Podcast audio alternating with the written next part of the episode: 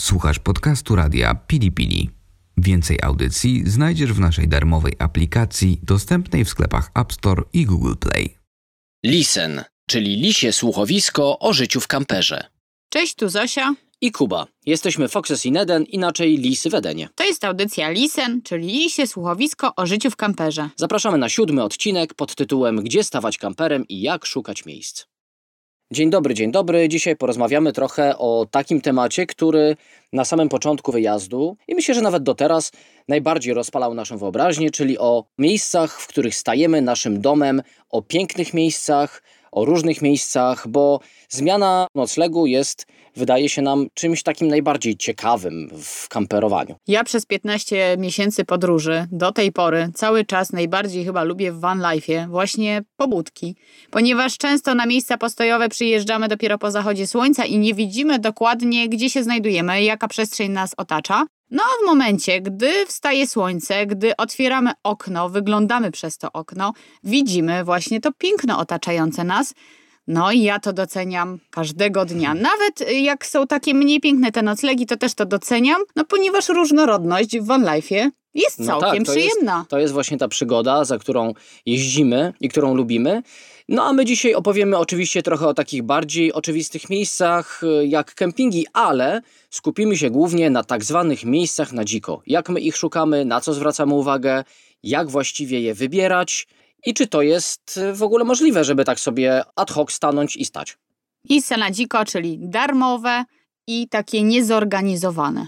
Jeżeli mowa o szukaniu miejsc noclegowych, to trzeba się zastanowić przede wszystkim, czego właściwie oczekujemy od podróżowania, czego oczekujemy od takich miejsc. Czy bardziej zależy nam na przykład na eksploracji terenu, czy bardziej zależy nam na komforcie, na świadomości tego, że właśnie miejsce będzie dostosowane pod kamper, będzie miało na przykład e, dostęp do wody czy prądu. I tutaj polecamy kempingi. No kempingi to chyba wiadomo, najłatwiejsza no wiadomo, opcja, tak, każdy pewnie wie po trosze jak to wygląda, ale też są takie parkingi przystosowane właśnie pod kampery, na przykład w miastach. Czasami są one nawet bezpłatne. My Mhm. się z takim spotkaliśmy w Hiszpanii, w Sant Feliu i tam nawet spędziliśmy kilka dni, deszczowych dni. No I właśnie, wtedy właśnie ten tak. Dostęp do wody czy prądu, no jest fajną opcją. Tak, to są takie miejsca niestrzeżone raczej, raczej takie bazowe mocno. Zwykle też one się znajdują w mieście albo na obrzeżu miasta, więc nie są jakieś specjalnie atrakcyjne, jeżeli chodzi o taką lokację, ale dają właśnie ten komfort.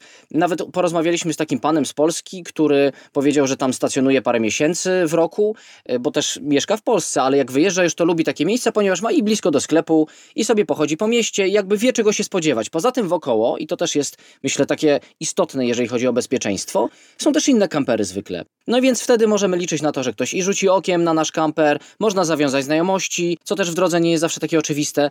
Więc y, no takie powiedzmy budżetowe rozwiązanie, czyli nie kemping, ale takie bezpłatne miejsce też jest możliwe. Tak, ale my się dzisiaj skupimy, myślę, że na tych mniej dostępnych miejscach, na takich, które trzeba samemu wyszukać. No i my tak naprawdę je najbardziej lubimy. Lubimy eksplorować, lubimy się zagłębiać w przestrzeń, w naturę. One są na pewno dużo ciekawsze i dużo więcej nam mówią o kraju, Tak. myślę. Oczywiście mają swoje plusy i minusy. No plusem jest to, co powiedziała Zosia, że są bardziej takie intrygujące, nietypowe, możemy więcej zobaczyć takich niedostępnych miejsc. Natomiast jest oczywiście minus, główny chyba, czyli trudność w znalezieniu. Nie są to miejsca oznaczone na mapie, a jak są, no to zaraz powiemy, jak to znaleźć. Oczywiście na nich nie ma żadnych mediów, czasem zdarza się jakiś kranik z wodą, może czasem zdarza się jakaś toaleta publiczna, ale to są wyjątki. Jeśli mowa o miejscach na dziko, musimy mieć świadomość prawa, jakie jest w danym kraju. To nie jest takie łatwe, ponieważ tutaj to prawo nie jest łatwo znajdywalne Tak, w internecie na przykład. Nie jest to na pierwszych stronach ośrodków turystycznych, raczej częściej my się opieramy na komentarzach w internecie, na jakichś doświadczeniach innych ludzi.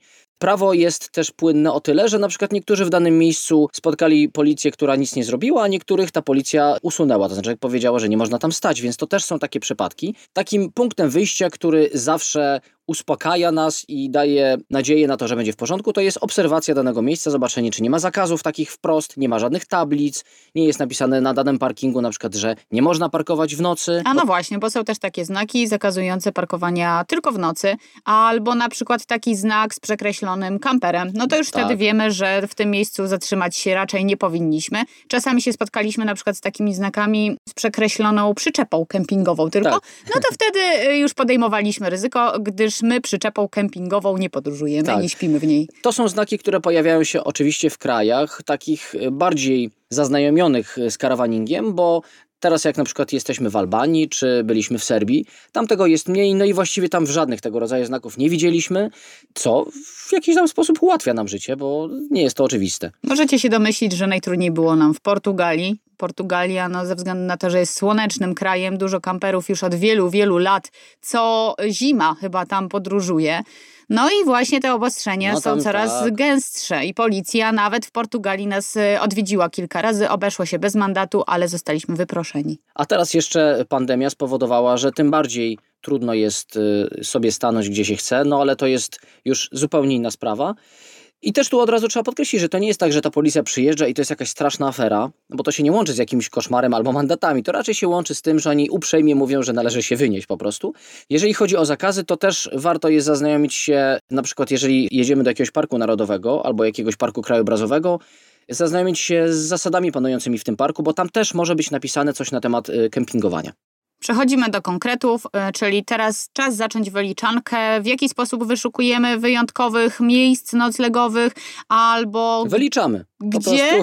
Gdzie znajdujemy takie miejsca, mm, no już może niekoniecznie w przyrodzie, ale takie, które są bezpieczne, które są przyjemne i z których nas nikt nie powinien wyrzucić. A też pojawią się takie miejsca już na przeczekanie, takie powiedzmy techniczne, w trasie, no bo czasami naprawdę nie da się już nic innego znaleźć i o tym też właśnie teraz będziemy mówić. No to wyliczankę myślę, że trzeba zacząć e, od podstawy, Tak. czyli z tego korzysta chyba 90% kamperowców, tak bym przynajmniej obstawiała. No na pewno myślę, że tak.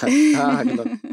E, A mianowicie mamy na myśli aplikację i aplikację Park Fortnite. My o tej aplikacji też e, trochę mówiliśmy w poprzednim odcinku, jak opowiadaliśmy Wam o bezpieczeństwie i mówiliśmy, na co zwracamy uwagę, wybierając właśnie takie miejsce postojowe pod kątem bezpieczeństwa właśnie. Ze względu na to, że są tam komentarze, że są tam zdjęcia miejscówek, to jest bardzo ułatwione zadanie, czyli wyszukanie takiej miejscówki noclegowej. no tak, trochę tak jakby ktoś zrobił taki katalog y, dla osób jeżdżących kamperem. No właśnie, tam jest to tyle fajnie, że są też oznaczone, są emotikony takie dodane, więc też wiemy, czy szukamy bardziej w mieście, czy szukamy na takim parkingu asfaltowym, czy szukamy właśnie w takim terenie, droga szutrowa, trochę off-road. No rozmaite są tam miejsca.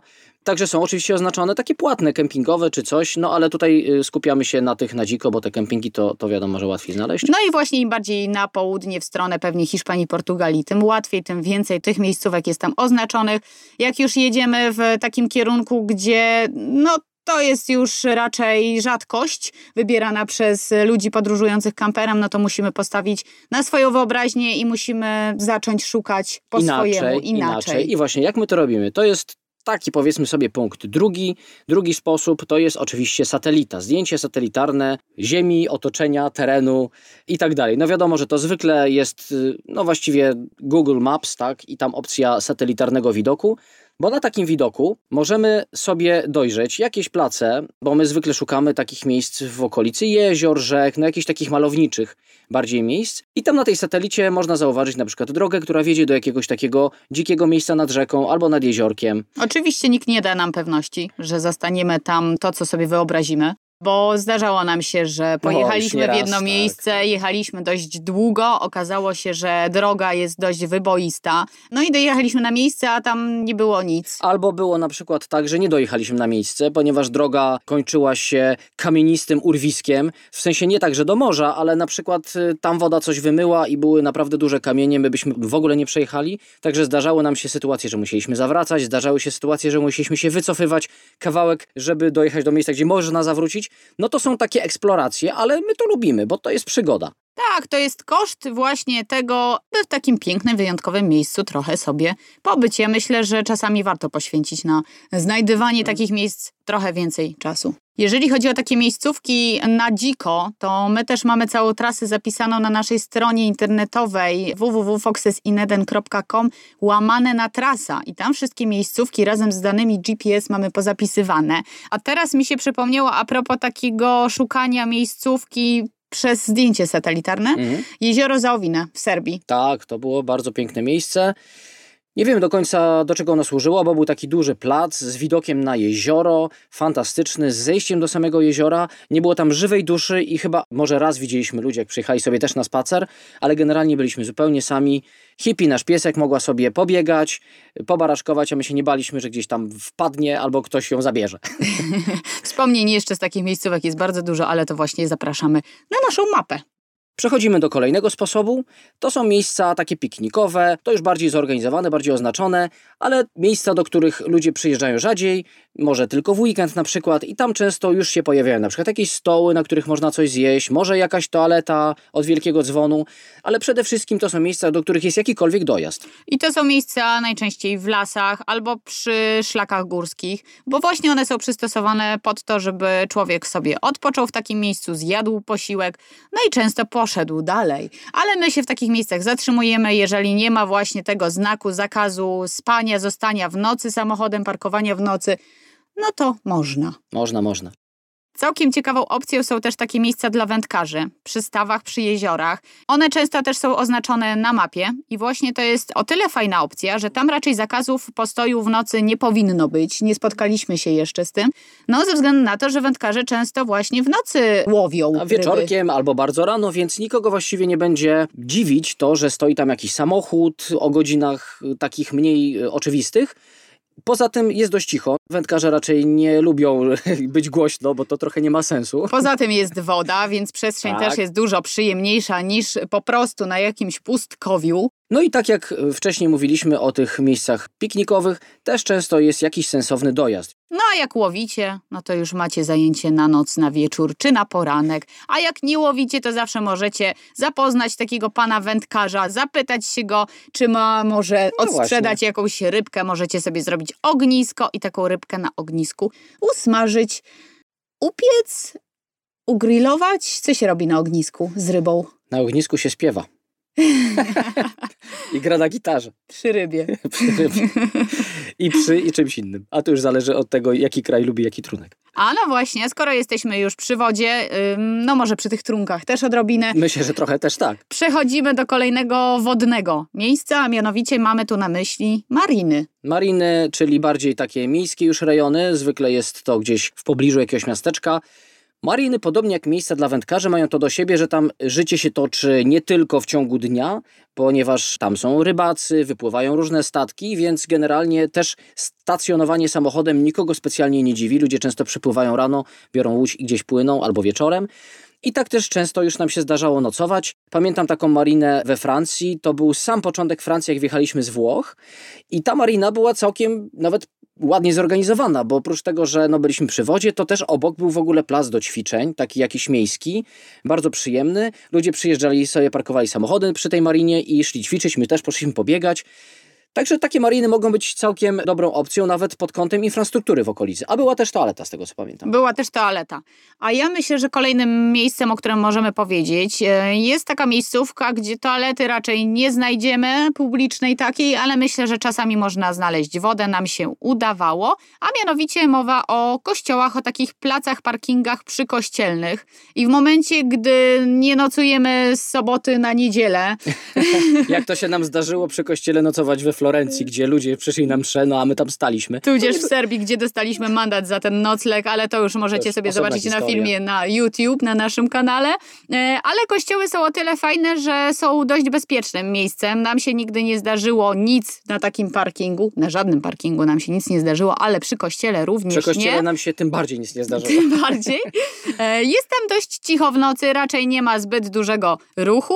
No i też parkowa- zaparkowany samochód nie zwraca niczej uwagi, no bo ludzie czasem przyjeżdżają sobie do kościoła tak po prostu, więc to jest dobry pomysł, żeby szukać pod takimi kościołami i nawet często w miastach jest to możliwe. Co też jest o tyle przydatne, że w mieście takich miejsc do zaparkowania jest o wiele mniej. No właśnie, a przy kościele czasami również zdarza się, że jest cmentarz i cmentarze to też jest jeszcze opcja taka poboczna, bym powiedziała, ponieważ no to są też ogólnodostępne parkingi, też nikogo nie powinno dziwić, że samochód się tam zatrzymał, a są również dostępne takie kraniki z wodą i też w momencie, gdy mamy braki wody, to można sobie taką wodę stamtąd pobrać. Jeśli chodzi o miasta, to tutaj jest trochę większy problem z parkingami na dziko, z tego względu, że no pojawiają się pewne oczywiste ograniczenia, jak przede wszystkim wysokość samochodu na parkingach miejskich, bo tam zwykle to są parkingi dla samochodów osobowych. My mamy powyżej dwóch metrów dużo, więc już nie jest tak nam łatwo wjechać. Druga sprawa to są oczywiście opłaty. Takie parkingi przy ulicy są często płatne. My tutaj chcemy opowiedzieć trochę o opcjach bezpłatnych. A też często te parkingi są właśnie dość e, wąskie i krótkie. Tak, tak, bo na przykład nasz samochód ma 6 metrów, miejsce parkingowe zwykle ma do 5 metrów, może 5 z haczykiem, więc my stając szukamy miejsca na przykład na dwa samochody, co też nie jest takie proste, szczególnie w ciągu dnia, w godzinach szczytu. Natomiast jak wjeżdżamy do miasta, to nasz wzrok na mapie pada od razu na takie duże parkingi miejskie, bo tam zwykle da się coś wymyślić, albo na przykład parkingi park and ride przy stacji metra, bo tam też y, można wjechać często za darmo i postawić samochód, nie mówiąc już o tym, że wtedy możemy szybko się przemieścić do miasta, tak było w Sewilli. Tak, i to nam daje większy spokój na pewno. Właśnie nie musimy tracić czasu na szukanie takiego miejsca postojowego w mieście, gdzie ruch jest naprawdę duży. Często też się odwiedza takie miasta weekendami, a wtedy no możecie się domyślić, że turystyka im większe miasto, tym jest większa i tym ciężej znaleźć owe miejsce. Miejsca na dziko w dziczy zwykle wolimy odwiedzić, kiedy jest jasno. Tak na przykład w mieście może być odwrotnie, bo kiedy do miasta przyjedziemy po godzinach szczytu albo nawet w nocy, to wtedy o wiele łatwiej takie miejsce będzie nam znaleźć. Ja jeszcze polecam, jeżeli chodzi o miasta, parkingi przy supermarketach. A, no właśnie, tak, to też jest dobra opcja. Często są to parkingi bezpłatne oczywiście i w nocy raczej nikt nie zwraca na to uwagi, bo to są parkingi prywatne, w sensie należące do danego supermarketu, więc policja raczej się mniej tym interesuje. Raz mieliśmy kontrolę policyjną W Chorwacji, w tak. Chorwacji, tak. Akurat wtedy sobie smażyliśmy rybę w samochodzie, w kamperze. Mieliśmy odsłonięte okna, otwarte okna. No i z ulicy zobaczyła nas policja, zapukała pani policjantka do samochodu. Chciała zobaczyć, co w ogóle... Co słychać? Bo generalnie jak to zobaczyła i zobaczyła, że mamy psa i sobie tam smażymy rybę, to powiedziała, dobra, spoko, y, życzę miłego wieczoru, do widzenia Tak, i tak. po sobie poszła. Czyli tak czy inaczej, e, mimo że to był taki parking prywatny, czyli należący do sklepu, no policja jednak zainterweniowała. A drugi taki parking y, przy supermarkecie, który dobrze pamiętam i w sumie miło wspominam, to był parking w Rondzie. W Rondzie w Hiszpanii? W Rondzie w Hiszpanii. Tam nas zastała zima, pruszył trochę śnieg, zrobiło się dość zimno, no i myśmy w tym samochodzie sobie urządzili taką chatkę na parę dni. Plus był bardzo duży taki, że y, na przykład jak nam się kończyło jedzenie albo czerwone wino do grzania, to mieliśmy bardzo blisko, żeby dokupić kolejne i sobie troszkę w tym samochodzie tak przezimować. Minus takich miejsc postojowych jest taki, że właśnie do sklepu jest blisko, więc wtedy no, wydawanie pieniędzy e, jest troszeczkę większe.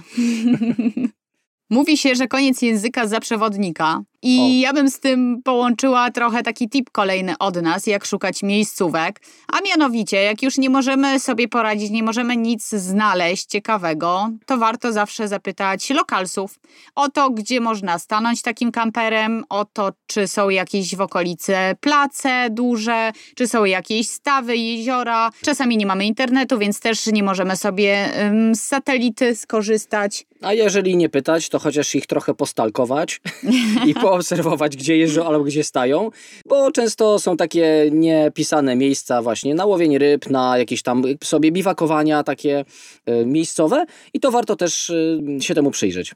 A jak się zapytamy jednak, Okej. to zawsze może się okazać, że nawiązaliśmy jakąś fajną, miłą, nową relację. E, I na przykład taka dana osoba pozwoli nam stanąć u siebie No. na polu, u siebie pod domem, bo ma na przykład taką działkę. I poza tym, że będziemy mieli zapewnione miejsce bezpieczne, postojowe, to może będziemy mieli też dostęp do wody, może będziemy mieli dostęp do mediów, a przede wszystkim będzie nowa znajomość zawiązana, bo przecież oczywiście zawsze w podróżach najbardziej lubimy nowe relacje. Więc jak mamy nocleg na dziko i nową relację, to już w ogóle jest wszystko najlepiej. My mieliśmy takie fajne doświadczenie z takim nocowaniem w Serbii. Nocowaliśmy u gospodarzy na posesji, spędziliśmy z nimi bardzo miły wieczór. Wtedy przełamywaliśmy pierwsze lody językowe z serbskim, ponieważ y, Prawie wyłamaliśmy sobie język. tak, trochę nas uczyli serbskiego. Myśmy zaczęli wtedy, mam wrażenie, że ta rozmowa w ogóle tak rozszerzyła nasze rozumienie serbskiego, bo musieliśmy się skupiać, trochę słownika używaliśmy, więc bardzo ciekawy wieczór. Oczywiście była rakija, ich własna, jakieś takie ciasta, a w ogóle rano to jeszcze nas gospodarze zaprosili na tradycyjne śniadanie serbskie, także taki nocleg naprawdę bardzo wzbogacił naszą podróż. Warto pytać, warto poznawać ludzi. A jeszcze Kuba wcześniej wspomniał o takich miejscówkach, na przeczekanie. My to Mhm. właśnie nazywamy przeczekalnią, czyli coś, co może nie jest wspominane jakoś namiętnie przez kolejne lata, ale no to są takie noclegi, gdzie trzeba się gdzieś zatrzymać, jak przejeżdżamy z danego miejsca do danego miejsca. Tak, to jest taka ciemna strona van life'u, o której nikt raczej chętnie nie mówi i na pewno nie wrzuca zdjęć na Instagram z tego tematu, a takie miejscówki są czymś, można powiedzieć, wpisanym w van life. I tutaj, jeżeli już nie mamy gdzie się zatrzymać, to zatrzymujemy się na przykład na stacjach benzynowych, no bo tam raczej nikt nas nie wyrzuci, raczej w nocy stać można, też stoją często tiry. Tak. Więc no dostawcze. niestety minus jest taki, że bywa naprawdę bardzo głośno. Polecamy zabrać z sobą zatyczki do uszu. Często jest to przy drodze, więc też ta droga powoduje, że jest głośno. No, przejeżdżające samochody autostradą są bardzo dobrze słyszalne. Więc no, to są takie miejscówki raczej, no nic tutaj wielkiego się nie dzieje, ale zawsze można się tym ratować. No Jeszcze- właśnie jak mówisz o autostradzie, jeszcze to też są A, takie tak, tak, tak, e, tak. mopy, tak Mhm. zwane. E, Miejsca obsługi podróżnych. Dokładnie, czyli właśnie miejsce, gdzie można się zatrzymać. Tak samo często zatrzymują się kierowcy tirów, więc też jest głośno. Plus takich miejsc w trasie jest taki, że zwykle jest toaleta, można z niej skorzystać. Czasem zdarza się woda, można ją sobie nalać, więc nie jest to takie złe, natomiast zwykle jest po prostu mało ciekawe, jeżeli chodzi o krajobraz, o otoczenie. Ale nikt nas stamtąd nie powinien wyrzucić. Nie. To są nasze wskazówki, zebrane mniej lub bardziej w jakąś taką logiczną całość. Natomiast zawsze polecamy być kreatywnym, mieć oczy i uszy szeroko otwarte na inne rzeczy, na nowości, no bo tak naprawdę o to chodzi w całym tym van life'ie i chyba tak naprawdę w życiu.